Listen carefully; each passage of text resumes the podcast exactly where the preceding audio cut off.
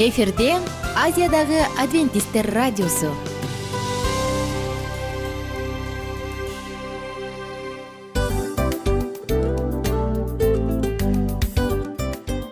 Достор салют. Баардык сүйүктүү угармандарыбызга салам айтабыз. Кутман күнүңүздөр менен. Ден соолук өмүрдүн булагы демекчи саламат саамы программасында баарыңыздарды көргөнүбүзгө абдан кубанычтабыз. Анда алгач амандашып өтөлү арбаңыздар деп. Ден соолугуңуздар кандай элибизде көбүнчө ден соолук кандай дегенде эле жакшы деп жооп беребиз э? ооруп турсак дагы жакшы дейбиз. Анан мен муну айтып ойлойт элем бул абдан сонун сөз депчи анткени бул жакшы деген үмүт да э ооба баары жакшы болот. Баары сонун. Деп үмүттөнүп атып эле өзүбүздү өзүбүз дарылап коебуз. Анысы кандай? Сиздин дагы ден соолугуңуз жакшы беш деген үмүттөбүз чындыгында ден соолук бул өмүрдүн булагы деп бекеринен айтылган эмес деп ойлойм. Кыргыз элинде анткени эгерде ден соолук жок болсо анда адамдын жашоосунда калган баардык керектүү маңыздуу нерселер өзүнүн баалуулугун жоготуп коет. Ошондуктан ден соолук бул эң керектүү нерсе. Ооба туура айтасың кесиптешим. Чынында ден соолугуң жок бир эки үч күн ооруп калсаң эле э кандай болуп калат? Жашоодо көз каранды болуп каласың көп нерсеге жетишпей каласың көп нерсени кыла албай каласың жада калса эшикке дүкөнгө да чыга албай каласың. Туптуура анан ден соолук болсо демек биз биздин бактыбыз тотой деп койсок болот. Анда достор саламат саамы рубрикабызды баштайлы. Алдыда өзүңүзгө керектүү болгон сонун кеңештерди уга аласыздар. Мына ошондуктан биз менен бирге болуңуздар. Ал эми биз болсо милан жана айнура. Кеттик алга. Алга саламат саама ден соолуктун жарчысы. Саламат саама ден соолуктун ачкычы. Күн сайын сиз үчүн мыкты кеңештер сонун жаңылыктар кызыктуу фактылар биздин рубрикада.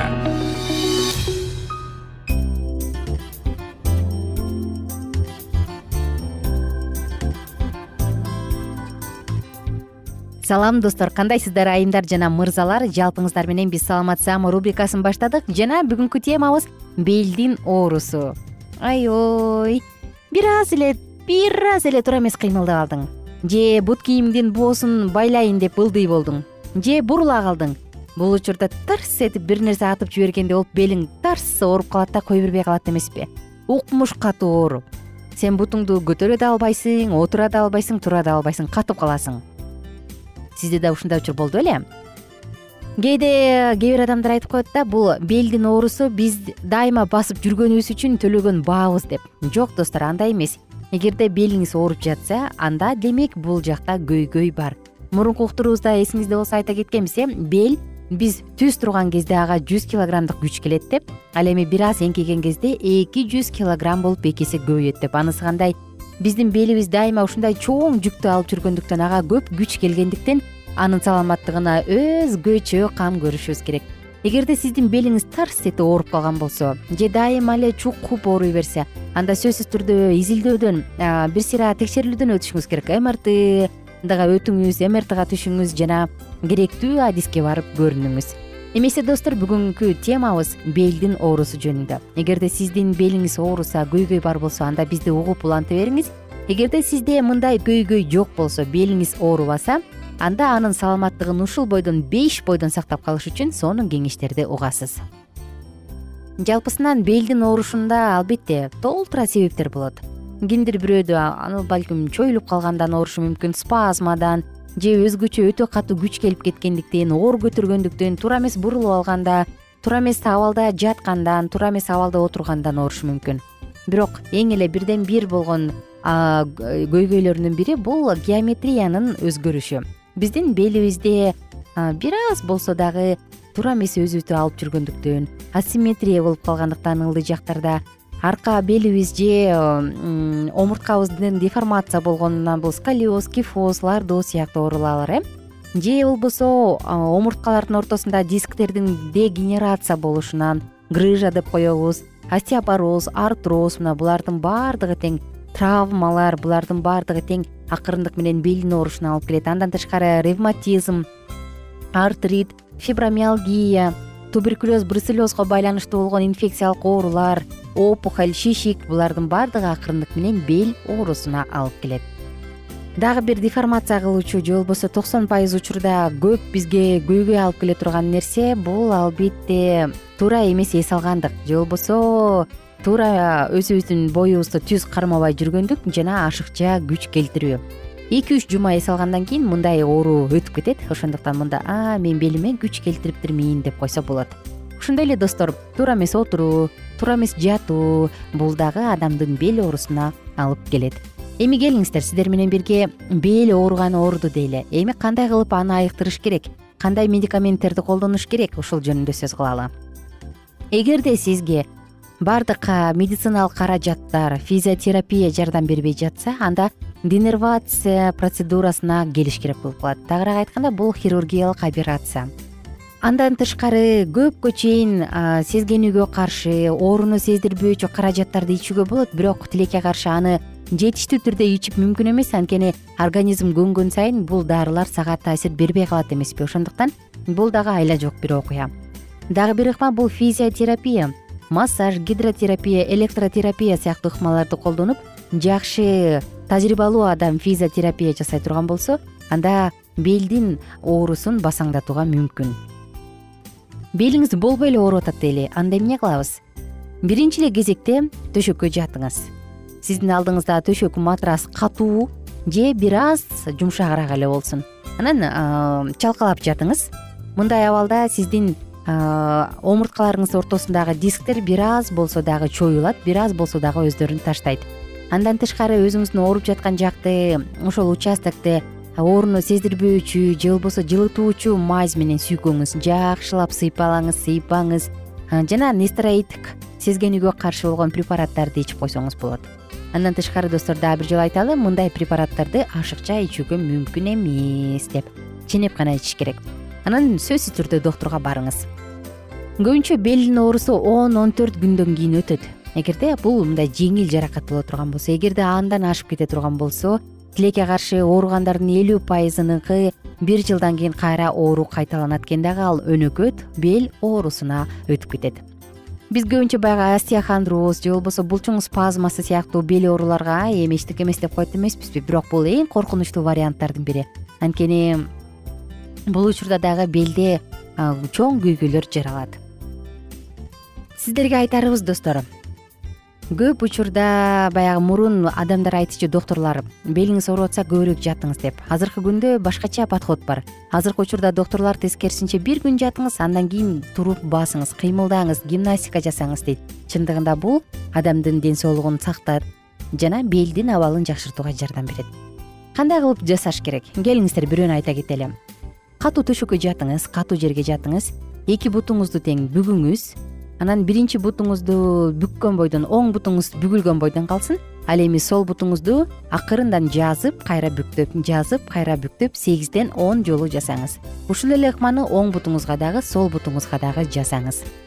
Андан тышкары ушул эле абалда жатасыз чалкалап эки бутуңузду бөгөсүз бүккөн соң биринчи бутуңузду бүгүлгөн бойдон оң жакты көздөй бир аз талтайтып кыска эле амплитудада жасаңыз ушундай ыкма менен бир эки үч деп сегиз жолу жасаңыз жана оң бутуңузду дагы сол бутуңузду дагы бүгүлгөн бойдон чет тарапты бүгүп ушундай сегиз он жолу көнүгүү жасап коюңуз.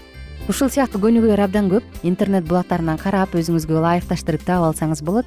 Мына ошондуктан достор бар болуңуздар. Биз сиздерге кааларыбыз бир гана ден соолук. Тилекке каршы омуртканын белдин булчуңунун оорусу жыл сайын жашарып баратат. Улам жаш балдар өспүрүмдөр ии белим белим деген нерсеге абдан көп чалдыгып бара жатат. Ошондуктан жеген тамагыңызга көңүл буруңуз.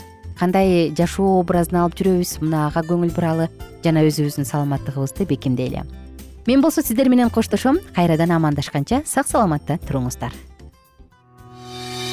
саламат саама ден соолуктун жарчысы. Саламат саама ден соолуктун ачкычы. Күн сайын сиз үчүн мыкты кеңештер сонун жаңылыктар кызыктуу фактылар биздин рубрикада. Салют замандаштар баарыңыздарга ысык салам. Дил маек программабызга кош келиңиздер. Дил маек рубрикасы дегенде эле бул эмне болгон дил маек ким менен маектешебиз деп сурайт болуш керек угармандарыбыз бул рубриканы кыскача тааныштыра кете турган болсок ар тарап кесип ээлеринен болгон сонун интервью кеңештер бар. Ооба. Жылдыздар менен болгон маек бар. Аталарыбыздын агаларыбыздын чоң аталарыбыздан сонун кеңештер бар. Ошондой эле эже сиңдилердин кеңештери бар. Айтор баардык кызыктардын баары алдыда. Негизи эле адам баласы бир кимдир бирөөнө ишенип сырын ачкысы келет эмеспи э мындай баарлашууга жакын келебиз го? Албетте. Негизи бир жерге отуруп алып кенен шашпай баягы жүрөктөн жүрөккө ачып сырларыбызды ар кандай көйгөйлөрүбүз менен бөлүшүп баягы чын жүрөктөн маек курганды кимибиз сүйбөйбүз э? Ооба десең ал нерсеге суусап да келебиз да? Ооба кээ бирде адамга чындыгында баягы э, ысык маек баягы жылуу маек жетишпейт да ошондуктан биз ушул рубриканы ойлоп тапканыбызда эң биринчи эле достор сиздер менен чын жүрөктөн бир маңыздуу темаларды козгоп кеткени э, кааладык. Ошондуктан ушундай сонун бир рубриканы тартуулап жатабыз. Анын үстүнө радио дагы сонун дос да анткени э, мындай учурда досуңа айтсаң досуң досуна айтат досу досуна айтат да анан бүт өлкө билип калышы мүмкүн го а радио болсо сени сатпаган сенин айыбыңды ачпаган сенин сырыңды эч кимге айтпаган сонун дос мына ошондуктан биздин алдыдагы айта турган кеңештерибизди биздин досторубуздун кеңештерин угуп анан ал жака пикириңизди дагы калтырып кайрадан биз менен байланышсаңыздар болот. Деги эле жашооңузга эгерде кичине болсо дагы өзгөрүү алып моралдык жактан нравовик жактан сонун бир кеңештерди алсаңыз демек биз максатыбызга жеттик. Ооба. Чыңгыз атабыз улуу жазуучу э, чыңгыз айтматов айткандай адам болуу бул күнүмдүк процесс экен. Күн сайын адам бойдон калуу бул адамзатка эң эле кыйын дейт э? э эң кыйын дейт. Чындыгында бунун негизинде адамдын эң баягы сапаттуулугу адамдын э, адамгерчилиги жана көптөгөн керектүү нерселер мына ошол темалар дагы бизде э, ушул дил маекте биз аларды да козгойбуз. Ден соолук жөнүндө да сүйлөшөбүз. Сөзсүз түрдө. Анан милан мырза негизи айтып коюшат го? Биз көбүнчө эмнени ойлонсок? Ошол нерсеге карата иш кылабыз го? Ооба. Анан анысы кандай? Балким бул радио баракчада кимдир бирөөнүн оюн текшергенге жардам берет кимдир бирөөнүн жүрөгүн текшергенге жардам берет балким кимдир бирөөгө жашоонун маңызын тапканга жардам берет айтор кызыктын баары алдыда бул жөн гана кыскача жарнама анда угармандарыбыздын баардыгын кийинки рубрикабызга чакырабыз. Ал эми кызматта маңдайымда отурган кесиптешим милан жана мен айнура. Анда эмесе биз даярдаган терең терең ойлор менен таанышууга кеттик. Алыс алыс баралык. Анда эмесе достор биз менен бирге болуңуздар. Алдыда эң кызыктуу маалыматтардын баардыгы бир нече мүнөттөр бою жалгыз гана сизге арналат. Мына ошондуктан жакшы маанай менен угууну каалайбыз үн алышканча. Жөнөдүк ар түрдүү ардактуу кесип ээлеринен алтын сөздөр жүрөк ачышкан сыр чачышкан сонун маек. Дил маек рубрикасында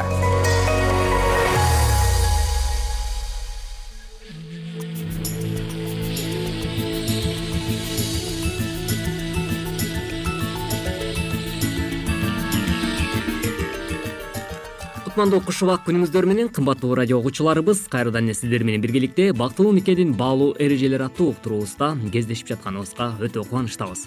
Кызматыңыздарда микрофондо кайрадан эле уулуңуздар аты жөнүм улан кубанычбеков жана ошондой эле бүгүнкү студиябызда менин кесиптешим саламатсыңарбы. Жана мен асель мамбетова. Урматтуу угармандар келиңиздер кайрадан эле биз сиздер менен дал ушул үй бүлөнүн бактылуулугун тилеген э, уктуруубузда сөзсүз түрдө биз бала тарбиялоо жаатындагы бир нече кеңештерибиз менен бүгүнкү чыгарылышыбызда дагы бөлүшүп өтмөкчүбүз. Тактап айтканда өткөнкү берүүбүздү эсиңиздерге салып өтсөк биз бала тарбиялоодогу э, бир нече э, принциптер же болбосо кеңештер туурасында бөлүшүп өтмөкчүбүз. Негизинен эле бала тарбиялоо жаатында кандай принциптерди жашооңузда колдонсоңуздар болот? Ушул туурасында бүгүнкү уктуруубузда дагы сөз кылабыз. Ал эми сиздер болсо биздин одон алыстабай дал ушул мүнөттөрдө биз менен бирге болуңуз. Алдыда болсо биз э, негизинен эле ата эне катары балдарыбызды тарбиялап жатканда эң негизгиси кандай принциптерге көңүл бурушубуз керек? Негизи эле жашообузда аларды кантип колдоно алабыз? Ушул туурасында сүйлөшөлү негизинен эле баланы ата эне колдоп сүрөп туруусу керек экен. Баланы өзү менен өзүң эмне болсоң ошол бол деп таштап салсаңыз ал ар кыл жаман адамдардын чеңгелине алардын тарбиясына түшүп калуусу ыктымал чындап эле эгерде биз балдарыбызга эң биринчиден олуттуу түрдө көңүл буруп э, алар менен көбүрөөк сүйлөшкөнгө аракет кылып кандайдыр бир балдардын дагы ички жан дүйнөсүнө кириш үчүн сөзсүз түрдө бул баарлашуу абдан маанилүү болуп саналат эмеспи. Эгерде сиз балаңыз менен сүйлөшпөй туруп анын ички сезимдерин ой толгоолору менен э, толук таанышпастан кандайдыр бир жемелөө же болбосо чектөөлөрдү коюп эле дайыма балаңызга ушундай талаптарды кое бере турган болсоңуз биз балдарыбызга мээрим көрсөтүүнүн ордуна тескерисинче каардуу ата эне болуп айланып калышыбыз дагы толук мүмкүн. Мунун кесепетинен сөзсүз түрдө э, айрым бир психологдор айткандай эле балдардын жан дүйнөсүнө эле жабыркатпастан ата эне менен болгон мамилеси дагы канчалык бир деңгээлде алыс э, болуп калганга дагы алып келип калышы ыктымал десек жаңылбайбыз себеп дегенде мындай көрүнүштөр дагы айрым бир учурларда коомчулукта дагы э, күбө болуп келет эмеспи андыктан биз балдарыбыздын жан дүйнөсүн алардын ички сезимин толук таанууда сөзсүз түрдө эң биринчиден биз балдарыбыз менен мындай дос катары сүйлөшкөнүбүз да абдан маанилүү болуп саналат экен. Эгерде биз балдарыбыз менен канчалык жакын мамиледе болсок демек ортодо баягы орустар айтпакчы гармония ушунчалык э, бир э, жакшы нукта өтөт экен да. Кесиптеш сен бул ойго кандай дейт элең чын эле туура баланын жан дүйнөсү бул назик келет эмеспи. Андыктан ошол баланын чын эле биз чоңдор бала болуп көргөнбүз туурабы. Бирок ошол балдар чоң болуп көрө элек да аны дагы эске алышыбыз керек да. Анан чын эле жараланган жүрөк чоңойгондо башкаларды дагы жаралантат да.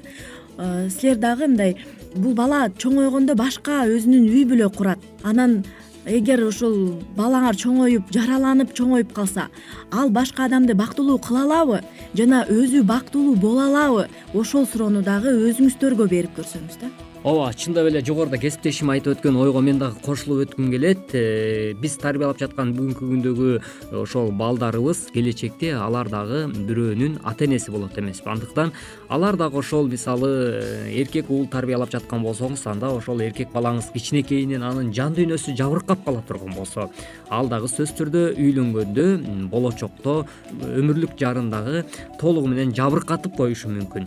Анткени сүйүүгө э, толбогон адам сөзсүз түрдө э, ал башкага сүйүү бере албайт эмеспи эгерде э, сүйүүгө э, толуп чоңойгон инсан демек коомго дагы кандайдыр бир өзүнүн жакшы салымын кошо алат деген ойдомун да. Эгерде биз ушул нерсени эске албасак ардактуу ата энелер анда сөзсүз түрдө жашооңуздарда олуттуу көйгөйлөр жарала бериши толугу менен мүмкүн туура негизи жакшы сөз бар эмеспи. Жүрөктө эмне толсо ооздон ошол чыгат депчи. Андыктан баланын жүрөгүнө сонун жакшы назик жакшы сезимдерди толтурсаңар анын оозунан анын келбетинен анын жашоосунан дагы ушундай сонун жыпар жыттуу назик сонун сезимдер чыгат албетте ардактуу угармандарыбыз бул нерселерди дагы сөзсүз түрдө эске аласыз деген үмүттөбүз. Ошондуктан эзелтеден биздин ата бабаларыбыз дагы э, аздектеп э, бала тарбиялоодо уулга дагы кызга дагы өзгөчө аяр мамиле кылып тарбиялап келген десек дагы жаңылбай айтып коюшубуз керек. Анткени биздин э, эзелки ата бабаларыбыз э, бала тарбиялоого дагы өзгөчө бир э, маани берип келишкен. Мына ушул нерселерди эске алуу менен биргеликте бүгүнкү жыйырма биринчи кылымдын шартында жашап жаткан бүгүнкү коомдун өкүлдөрү дейбизби бүгүнкү коомдун инсандары биз дагы ошол ата бабадан келаткан ар кандай туура кеңештерди ата бабадан келаткан ар түрдүү акыл кептерди балдарыбыз менен бөлүшүп жана ошол нерселерди жашообузда тажрыйба катары колдоно турган болсок биз анда кең келечекке кадам таштап коомго дагы өзүбүздүн мыкты салымыбызды кошо берген болот экенбиз. Ошондуктан элибизде айтылып келет бул үй бүлө э, кичинекей мамлекет деп да айтылат эмеспи андыктан ар бир үй бүлө чын эле э, өзгөчө десек э, биз жаңылбайбыз. Урматтуу ата энелер андан сырткары биз эмне кылсак болот? Эң ириде бала көп нерсени ата энесинен көчүрөт. Аларды туурайт баланын кылык жооругунда кандайдыр купулга толбогон ирэнжиткен мандемдер байкалса атасы же апасы өздөрүнүн баланын көзүнчө жасаган кылык жооругун мамилелерин жасаган иштерин карашсын ата эне өздөрүнүн жалган айтаарын айтып алып анан баласына жалган сүйлөбө деп айтса бул баары бир балага жардам бербейт экен чындап эле ата эне бул жаатта дагы көңүл буруусу абдан маанилүү деп эсептейбиз. Себеп дегенде эгерде ата эне өзү жалган сүйлөп жатса же ошол баласына кеңеш берип жатып өзү ошол нерсени кылбаса анан баласынан талап кыла турган болсо буга чейинки программабызда дагы айтып өткөндөй эле урматтуу угармандар сөзсүз түрдө биз бир нерсе кылаардын алдында ар бир ата эне өзүнө суроо бергени маанилүү болуп саналат экен. Себеп дегенде мен өзүм биринчиден э, балдардан талап кылуунун алдында өзүм ошол нерсени кылып жатамбы? Же канчалык деңгээлде мен балдарыма үлгү болуп жатам деген э, суроонун айланасында ой жүгүртө турганыңыз дагы абдан маанилүү эмеспи ошондой эле сиз тарбиялап жаткан инсандар коомдун үлгүлүү атуулдары болсун деген тилегибизди билдирүү менен биргеликте кадырман радио кугармандарыбыз бизге бөлүнгөн убакыт дагы өз соңуна келип жетип калды. Кайрадан ободон үн алышканча кайрылуу достор. Ар түрдүү ардактуу кесип ээлеринен алтын сөздөр жүрөк ачышкан сыр чачышкан сонун маек дил маек рубрикасында жан дүйнөңдү байыткан жүрөгүңдү азыктанткан жашооңо маңыз тартуулаган жан азык рубрикасы.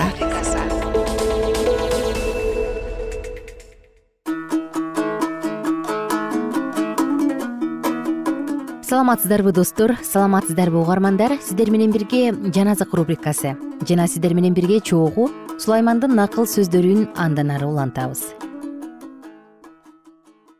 Сулаймандын накыл сөздөрү алтынчы бөлүм. Андан ары улантабыз жыйырманчы аяттан тарта. Уулум атаңдын осуяттарын сакта. Энеңдин акыл насаатын четке какпа. Аларды жүрөгүңө түбөлүккө байлап ал. Мойнуңа тегерете байлап ал. Жолго чыкканыңда алар сени жетектейт. Уктап жатканыңда кайтарат.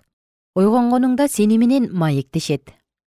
Анткени осуят чырак акыл насаат жарык насыятты үйрөнүү өмүргө жол. Алар сени бузулган аялдан башка бирөөнүн аялынын жасакерленип сүйлөгөн сөзүнөн сактайт.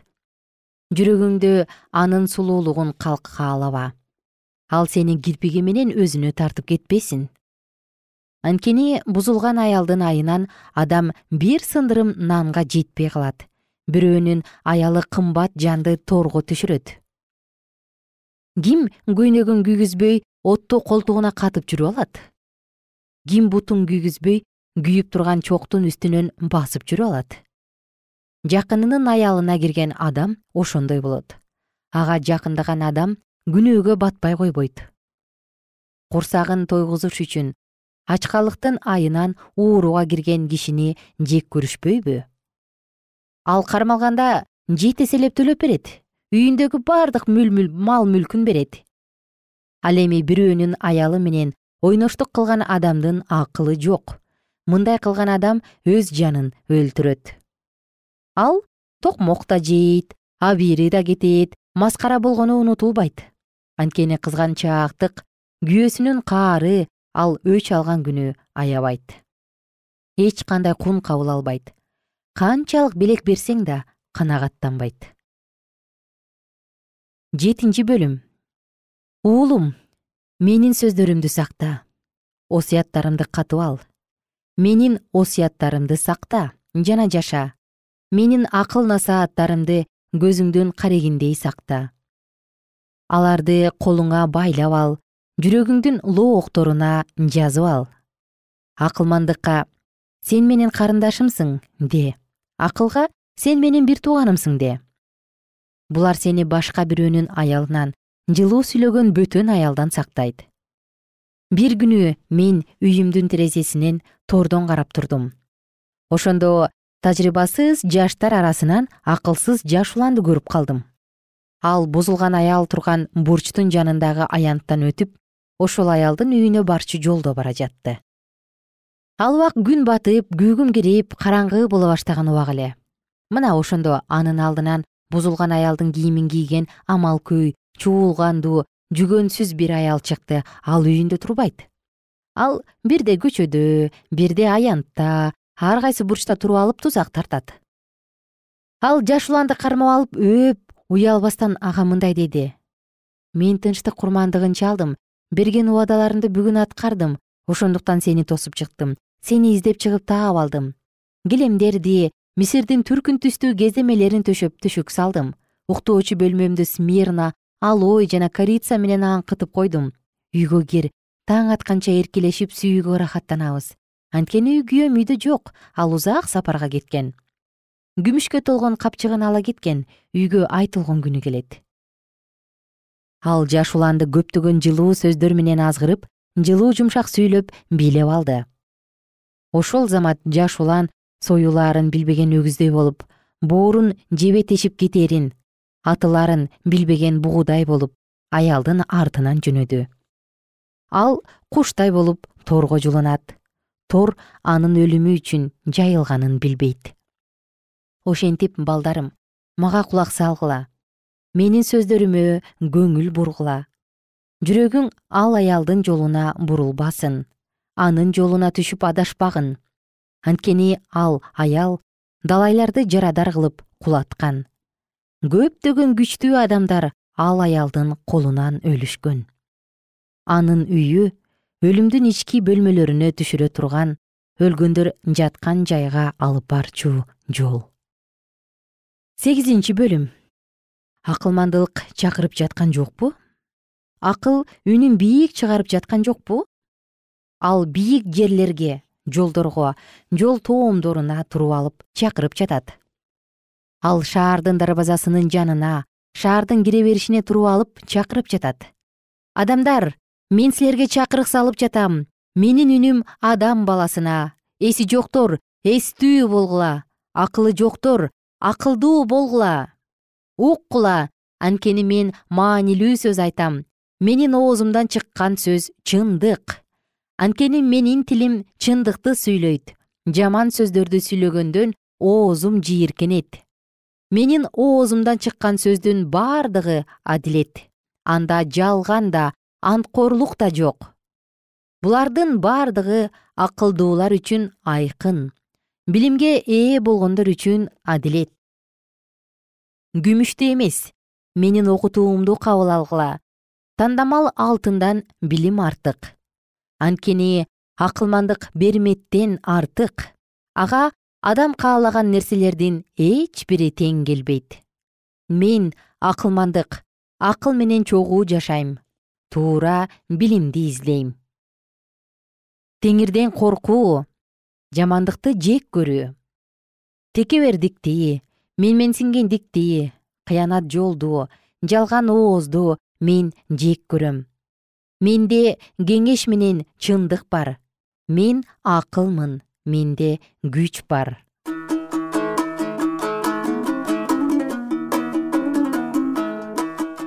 Кымбаттуу достор сиздер менен акыл сөздөр китебин ушул жерден токтотобуз. Жана жалпыңыздар менен кийинки уктурууда сөзсүз түрдө улантабыз. Ага чейин жалпыңыздарга кааларыбыз көңүлдүү күн. Кайрадан амандашып саламдашып саатыбызды улантканча сак саламатта туруңуздар. Бар болуңуздар